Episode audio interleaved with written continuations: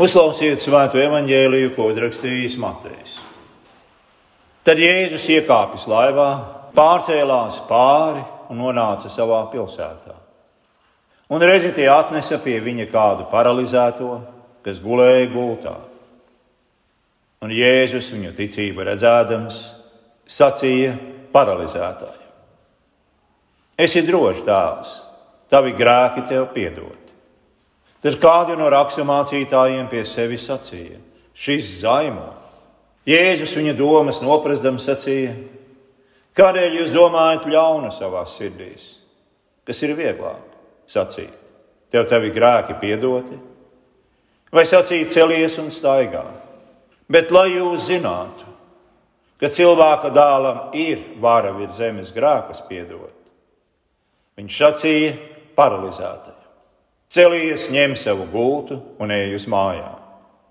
Un tas piecēlies, gāja uz mājām. Ļaužu pūlis to redzēdams, izbijās un slavēja Dievu, kas tādu varu devis cilvēkiem. Āmen! Viena no raksturīgākajām mūsdienu iezīmēm ir grāka legalizēšana. Proti, ar sabiedriskās domas un pat likuma palīdzību radot iespēju, ka grēks nemaz nav grēks. Dažreiz tas tiek pamatots ar zinātnes, īpaši sociālo zinātņu atziņām, bet parasti tā ir viltīga sofistika, kas vai nu vispār noliedz grēku, vai mazina tā bīstamību. Un tā nav jauna ideja. Jau apustulis Jānis bija spiests brīdināt savu draugu locekļus, ka grēka noliekšana ir sevis pievilšana patiesības zaudēšana un briesmīga dieva zaimošana. Ik viens grēks ir bīstams. Tas rada sāpes un ciešanas, un beigu beigās nes mūžīgu nāvi. Baznīcas uzdevums šajā situācijā ir izcīnīt grūto cīņu, svētā gara spēka atklāt grēku un tā postošo raksturu, un palīdzēt cilvēkiem kļūt brīviem no grēka varas. Vienlaicīgi katram ir arī jāuzmana pašam sevi, savu dzīvi, lai citus glābjot, paši neietu pazušanā. Evanģēlists Matejs mums šodien stāsta par to, no kā grēku piedošana ir saņemta. Par ticīgo ļaužu palīdzību grēciniekiem, par grēku piedošanas drošību un sakām, kādas tā atstāj uz citiem. Visā evanģēlijos lasām, ka daudz slimu cilvēku pat no tālienes ir nākuši pie Jēzus. Nākuši, lai saņemtu palīdzību. Kad Jēzus kādu dziedināja, apkārtējie parasti brīnījās un slavēja Dievu. Bet Jēzus šajā gadījumā darīja daudz vairāk. Viņš atbrīvoja slimo paralizēto no slimības un arī no visu likstu cēloņa grāmatu. Ir pamācoši ievērot, ka mēs nekur evaņģēlijos nelasām, ka ļaudis būtu pulcējušies apkārt Jēzum, lai saņemtu grēku piedošanu. Un tā tas ir noticis arī vēlāk viscaur baznīcas vēstures gājumu. Laiku pa laikam pat lieli cilvēku pūļi nākuši uz baznīcu, nākuši, lai glābtos no dažādām nelaimēm, cerot, ka tiem šajā pasaulē klāsies labāk, bet tikai retais ir nācis pēc grēku piedošanas. Nācis pēc glābiņa no tā, kas ir mūsu visu galvenā nelaime un posts. Un tas par mums cilvēkiem atklāja kaut ko ļoti būtisku. Mēs vēlamies paglābties no grēka sakām, bet nevis no paša grēka. Tomēr kristīgā ticība balstās nevis brīnumos, neparastos dziedināšanas gadījumos, bet tieši grēku piedošanā. Svētā kristība, kas turpinās absolūcijā un svētais vakarēdienas, vispirms ir grēku piedošana. Grēks nošķir cilvēku no dieva. Grēks ir dzīve bez dieva, un tas nav pārvarams ar labu apņemšanos, ar paša cilvēka spēkiem un pūliņiem. Šajā ziņā mēs visi esam kā triekas ķerti, paralizēti un bezspēcīgi. Un kādam ir burtiski jānes mūs pie Jēzus, jo mēs paši šo ceļu veikt nespējam. Un tas, kas nes mūs pie Jēzus un viņa dāvātās grēku piedošanas un tai sakojošās dziedināšanas, ir Dieva vārds. Dieva vārds, kas ir pierakstīts Bībelē, ir grūts, sarežģīts, sens teksts. Bībeles vēsts ir kā sarežģīta simfonija, kuru veido neskaitāmi motīvi - ticība, cerība, mīlestība, patiesība, prieks. Un tas viss savienojas vienā lielā un varenā tēmā - Dieva žēlastība, Dieva žēlsirdība, Dieva uzticība. Un pilnā mērā tā mums atklājas Jēzu, kurš piedod grēkus un dziedina dvēseli un miesu, kā to dzirdējām šīs dienas evaņģēlijā. Apgūt šo vēstu nav iespējams vienā dienā. Un izsmelt Bībeles vēsti nevar gadu tūkstošos. Ja mūsu apkārtējā pasaule ir tik brīnišķīga un sarežģīta, ka tās studijas un pētniecība prasa cilvēku mūžus. Un tāpat mēs par to zinām maz. Cik daudz vairāk tas tā ir jāsaka par Bībeli. Tā neizsmeļams dārguma krājums, un to nevar apgūt vienā dienā. Dieva vārds darbojas kā ūdens pilieni, kas lēnām gadu gājumā sagrauž klinti, veidojot tajā savu īpašu noteiktu rakstu. Ja viss ūdens nogāztos pār klinti vienā brīdī, nekas tam līdzīgs nenotika. Un tāpat kā ūdens pīlis veido zīmējumu klintī, tāpat mūsu sirdīs to dara Dieva vārds. Tas negrib mūs noslīcināt, gāzamies pār mums pāri vienā brīdī, bet gan pārradīt mums, pārveidot. Mēs gribam, lai mums visu izklāsta vienā Bībeles stundā vai kādā īsā grāmatiņā. Mēs esam cilvēki, kuru izglītība mūsu dienās lielā mērā ir virsraksti, plašsaziņas līdzekļu rakstot. Bet Dieva vārds ir citāds. Tas ir kā dimants ar neskaitāmām šķautnēm. Mums jātur to savā priekšā, jāgroza un jāplūko no visām pusēm, ļaujot, lai tas mūsu dzīvēs iezaigojas visā savā daudzveidīgajā krāšņā. Dievam nekur nav jāsteidzas. Un viņam patīk savu patiesību rakstīt mūsu sirdīs lēnām. Daudzu gadu garumā viņa tautai kopīgi pētot, lasot un studējot viņa vārdu. Un tā evanģēlis mums stāsta, ka pēc Jēzus ierašanās pilsētā, kurā viņš dzīvoja, pie Jēzus atnesa kādu paralizētu grēcinieku, kas gulēja gultā. Agrākais Paralītiķis bija savas agrākās dienas vadījis diezgan bezrūpīgi. Aizņemts ar pasaules lietām un vienaldzīgs pret dievu un ticības lietām. Bet tad viņu ķēra trieka. Nu, tagad viņam bija jādomā par dzīves beigām, par nāvi un gaidāmo dieva tiesu. Un vienaldzība bija zudusi. Bez šaubām nebija tā, ka triekas ķertais cilvēks būtu bijis kāds ļaundaris, blēvis, vai dzīvojis kādos citos lielos atklātos grēkos. Kopumā viņš būs bijis ļoti līdzīgs mums visiem. Dienu no dienas krādam savus grēkus un grēciņus, līdz mugure to vairs nespēja panest. Un tagad viņš bija pārbies, uztraucies un nobažījies par savu likteni, grēka apziņas nomākt. Tagad viņš labprāt steigtos uz baznīcu, bet vairs nevarēja. Tas, kas pirmajā brīdī varētu šķist kā briesmīgs sots, Tomēr beigu beigās izrādījās liela dieva žēlastība. Dievs ne tikai nebija ļāvis viņam turpināt bezjēdzīgi izšķiest savu dzīvi, bet bija devis arī ticīgus draugus, kas bija gatavi nešus aiznest viņu pie Jēzus. Un tomēr, tad, kad tie atnesa triekas ķerto līdz namam, kur atradās Jēzus, nams bija pārpildīts, un tie vienkārši netika iekšā. Ko darīja paralizētā vīra draugi? Viņi uzkāpa uz jumta, atvēra to un nolaida paralizēto tieši Jēzus priekšā. Un tas ir brīnišķīgs uzskatāms ticības piemērs. Proti, ticīgie novāc šķēršļus, kas grēciniekiem traucē tikt pie Jēzus. Tas notiek ar aizlūgšanām un ar pasaulīgu maldu atspēkošanu. Jēzus tūdaļ šo ļaužu rīcību novērtē. Saprastams pēc kā triekas ķertais, ilgojas visvairāk. Un viņš sacīja, esi drošs, dēls, tavi grēki tev piedod. Ja triekas ķertais būtu aizvest pie kāda Romas baznīcas priestera, es viņam nekad neteiktu, esi drošs, bet drīzāk sacītu tieši pretēji.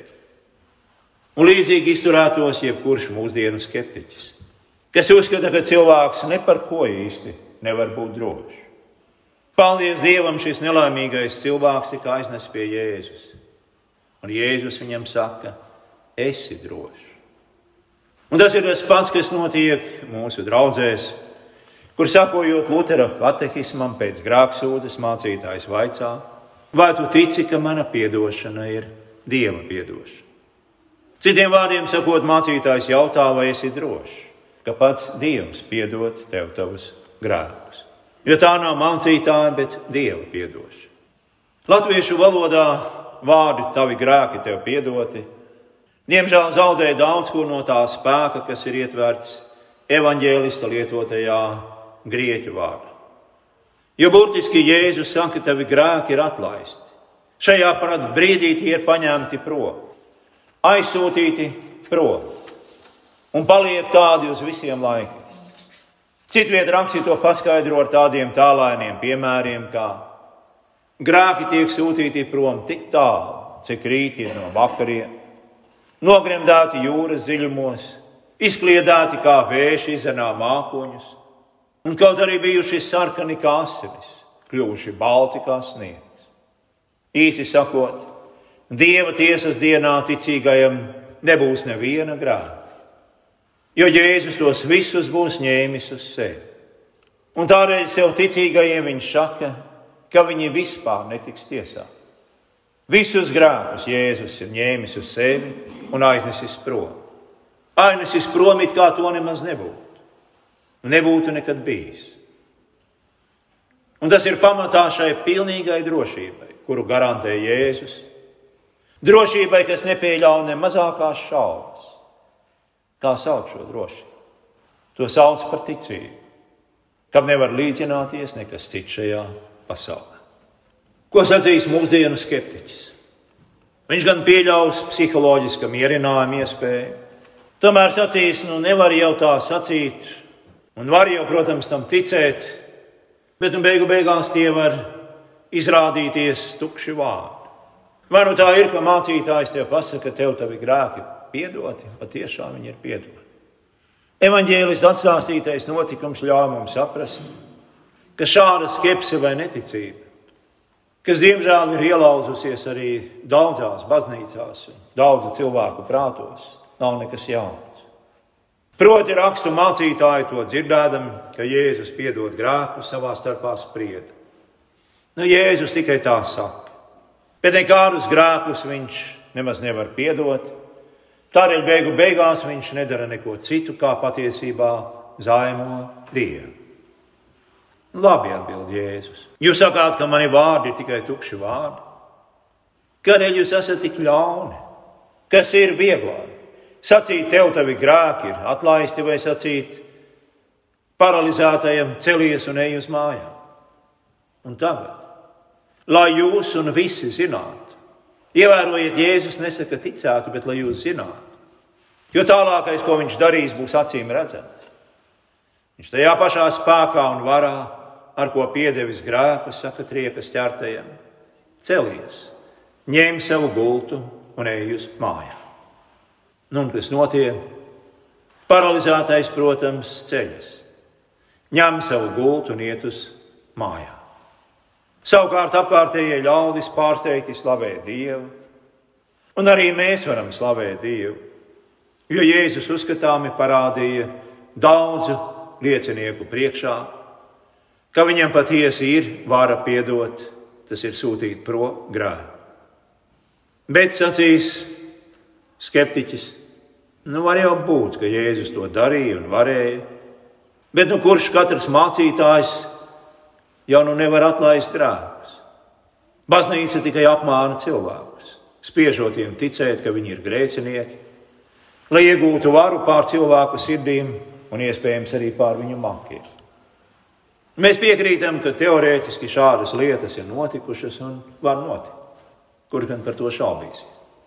Tomēr šeit mums ir jāievēro, ka Jēzus saka, ka vara piedot grākus uz zemes ir cilvēka dāvana.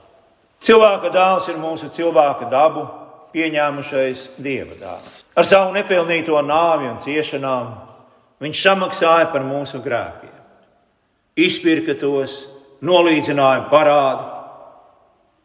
Un tūdaļ pēc augšām celšanās, lieldienu dienas vakarā, viņš saviem mācekļiem dod svēto garu un sūta viņus pasaulē. Ko darīt? Piedot grēkus. Piedot grēkus tiem, kuri tos nožēlo un lūdz atdošanu. Un citviet Jēzus saka mācekļiem, kas jūs dzirdat, dzird mani. Tad, tagad Jēzus pats turpina piedot grēkus, caur viņa draudzes aicināto kalpu, mutēm absolūcijā, jeb grēku atlaišanā, sludinātajā vārdā un vakarēdienā. Kristus baznīcas būtība, tās jēga un saturs ir grēku atlaišana, ko pavada sludināšana un mācīšana, kas rada drošu pārliecību par grēku atlaišanas īstumu un patiesību. Tāpēc mēs šodien esam šeit, ka mēs esam grēcinieki, un ka šī ir vieta, kur mēs vienīgi varam saņemt zāles pret savu neārstējumu slimību, grēku mūsos. Tas ir baznīcas galvenais pamatuzdevums. Protams, ar to viss vēl nebeidzas. Jo grāku piedošanai ir sakas, ļoti būtiskas sakas.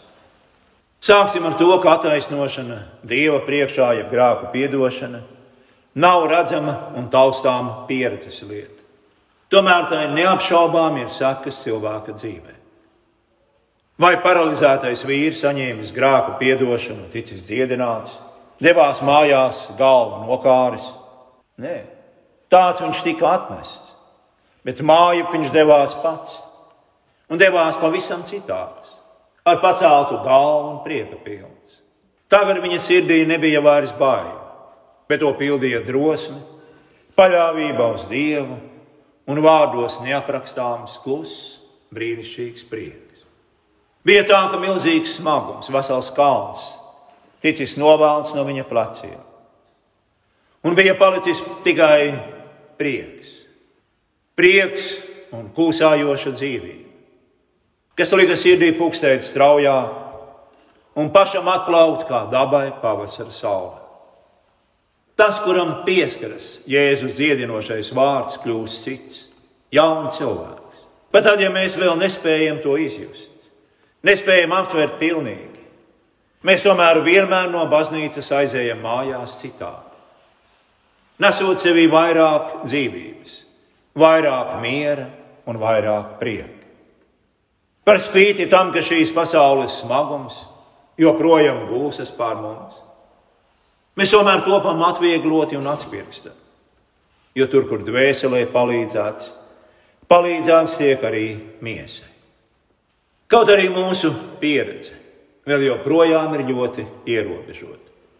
Mēs tomēr varam lasīt evaņģēlijas stāstus, īpaši Jēzus augšām celšanās stāstus, stāstus par dzīvības uzvaru un dalīties līdzi pirmo mācekļu priekā, ko šīs pasaules raizes un rūpes vairs nespēja aptumšot.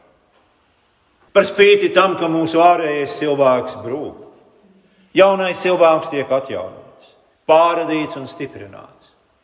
Un mēs ar vien skaidrāk apjaušam gaidāmās mūžības svētlaimi, dzīvi kopā ar Dievu jaunā pasaulē.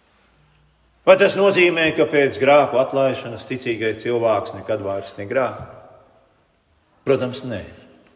Kamēr vien ir dzīva viņa kritusī daba, viņam ir noslēdzies uz grēku, un viņš turpina grēkot un darīs to līdz pat kapam.